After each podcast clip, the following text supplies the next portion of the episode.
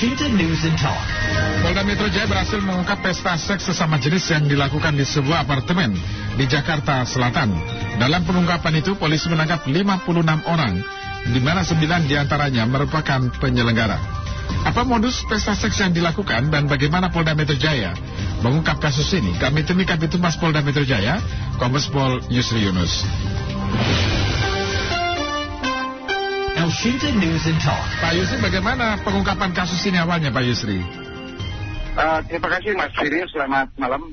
Malam, Mbak. Uh, ini berdasarkan hasil penyelidikan uh, awalnya dari informasi masyarakat, kemudian dari tim Ras Polda Metro Jaya melakukan penyelidikan bahwa ada uh, rencana akan ada pesta uh, sesama jenis ya di salah satu uh, apartemen atau hotel yang ada di daerah uh, Kuningan Situ. Kemudian uh, pada tanggal 28 malam setelah melihat situasi sekitar uh, tengah malam lah ya, tanggal 29 tepatnya tanggal 29 setengah satu dan setengah satu kita lakukan penggerbekan di uh, satu kamar dan kita temukan ada 56 orang di situ.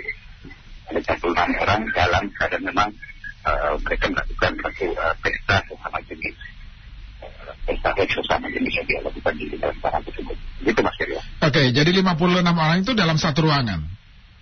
Iya betul memang, karena memang agak besar ruangan itu agak besar. Hmm. Uh, dalam satu ruangan memang dalam keadaan memang yeah. mereka sedang berpesta. Iya, berpesta artinya mereka sedang uh, berpasang-pasangan begitu ya Pak Pak Yusri ya? Uh, mereka memang sedang bermain game ya, tetapi dengan kondisi bahwa memang mereka dalam keadaan uh, Oke. Okay. Jadi pesta seksnya bagaimana Pak Pak Yusri kalau mereka sedang main game? Saya tidak bisa menjelaskan seperti apa ini, tapi yang kita dapati bahwa memang mereka sedang melakukan uh, satu uh, kegiatan cabul ya, yang yeah. pornografi yang kita kemudian kita amankan. Mm -hmm. Baik. Jadi 56 orang ini uh, sudah langsung dia, malam itu juga langsung diamankan Pak Yusri.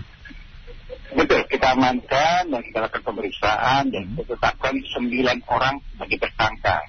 Hmm. Sembilan tersangka ini adalah seluruhnya adalah penyelenggara daripada kegiatan tersebut. Hmm. Sementara 47 orang ini sementara kita masih jadikan saksi dan dilakukan pemeriksaan kepada yang bersangkutan. Iya. Yang di luar dari sembilan orang masih berstatus saksi. Uh, sementara sembilan orang sudah ditetapkan sebagai tersangka karena menyelenggarakan pesta ini, Pak Yusri ya? Betul, betul Pak. Mm -hmm. Itu yang kita sementara tetapkan sebagai tersangka dan kita penahanan terhadap Iya. Apa apa saja pengakuan dari sembilan tersangka ini Pak Yusri?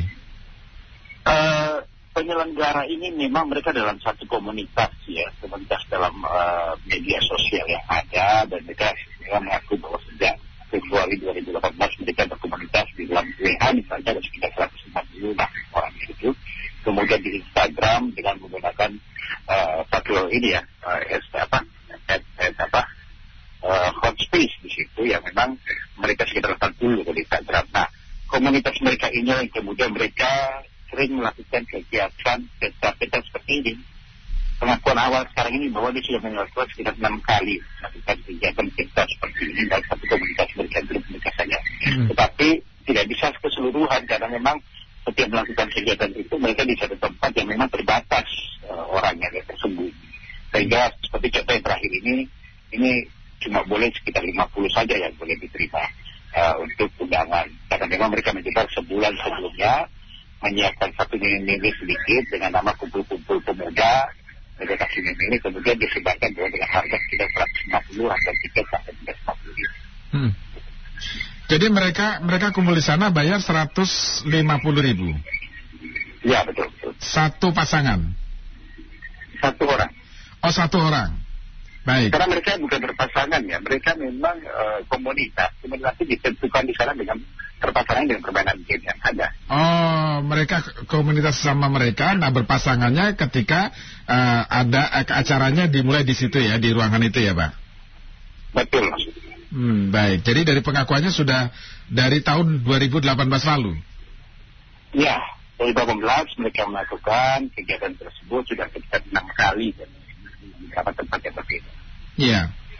Jadi selama ini komunikasi mereka hanya lewat medsos gitu ya Pak Yusri ya? Ya, dan karena rata mereka bekerja juga.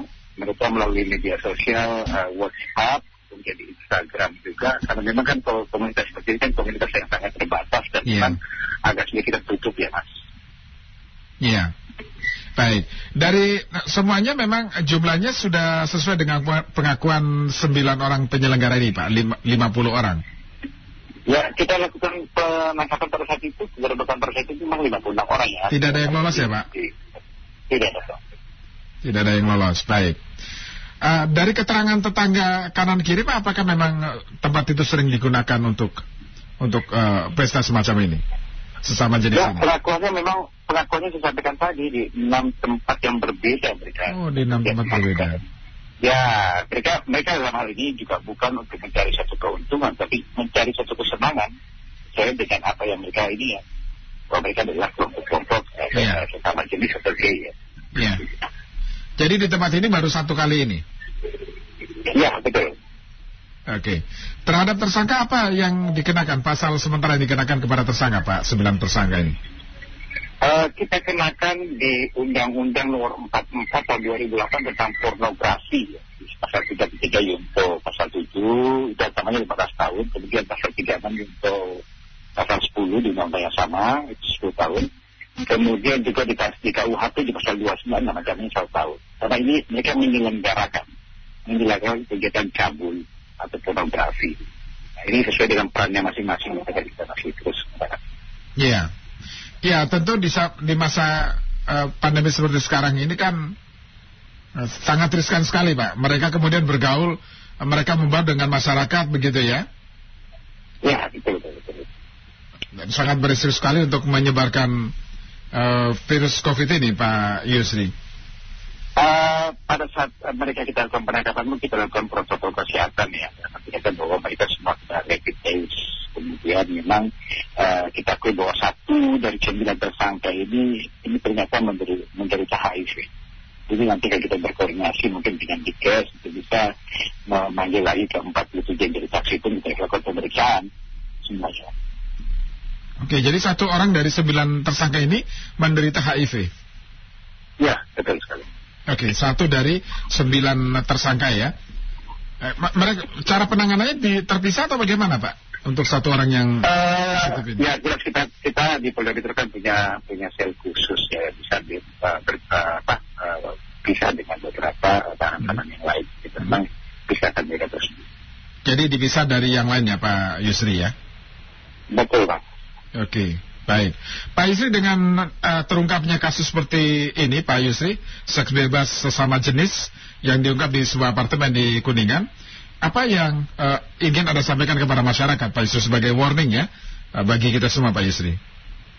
Yang pertama di masa COVID-19 ini ya kita ketahui bahwa memang kan uh, masa transisi seperti ini ada 3M 1T yang harus kita kedepankan dalam hal protokol kesehatan misalnya mencuci tangan atau masker kemudian juga uh, menjaga jarak dan juga tidak berkumpul. Nah di T yang yang yang satu T inilah yang tidak berkumpul inilah yang memang kita harapkan masyarakat tidak ada kegiatan apa pun yang sifatnya berkumpul gitu. Itu satu. Yang kedua memang kita terus akan uh, melakukan penyelidikan apakah kemungkinan masih ada lagi kegiatan lain seperti ini kita lakukan penindakan secara tegas. Hmm. Baik, Pak Yusri, terima kasih sudah bersama kami, Pak Yusri. Sama-sama. Pendengar demikian tadi penjelasan Kabit Humas Polda Metro Jaya, Kombes Pol Yusri Yunus. 56 orang eh, ditangkap oleh pihak kepolisian dalam kasus seks bebas sesama jenis yang dilakukan di sebuah apartemen di Kuningan, Jakarta. Sembilan orang di antaranya merupakan penyelenggara yang sudah ditetapkan sebagai tersangka, sementara yang lainnya masih berstatus saksi. Dari sembilan orang eh, tersangka, satu di antaranya diketahui menderita HIV, ya, dan penanganannya pun berbeda dari delapan tersangka lainnya. News and Talk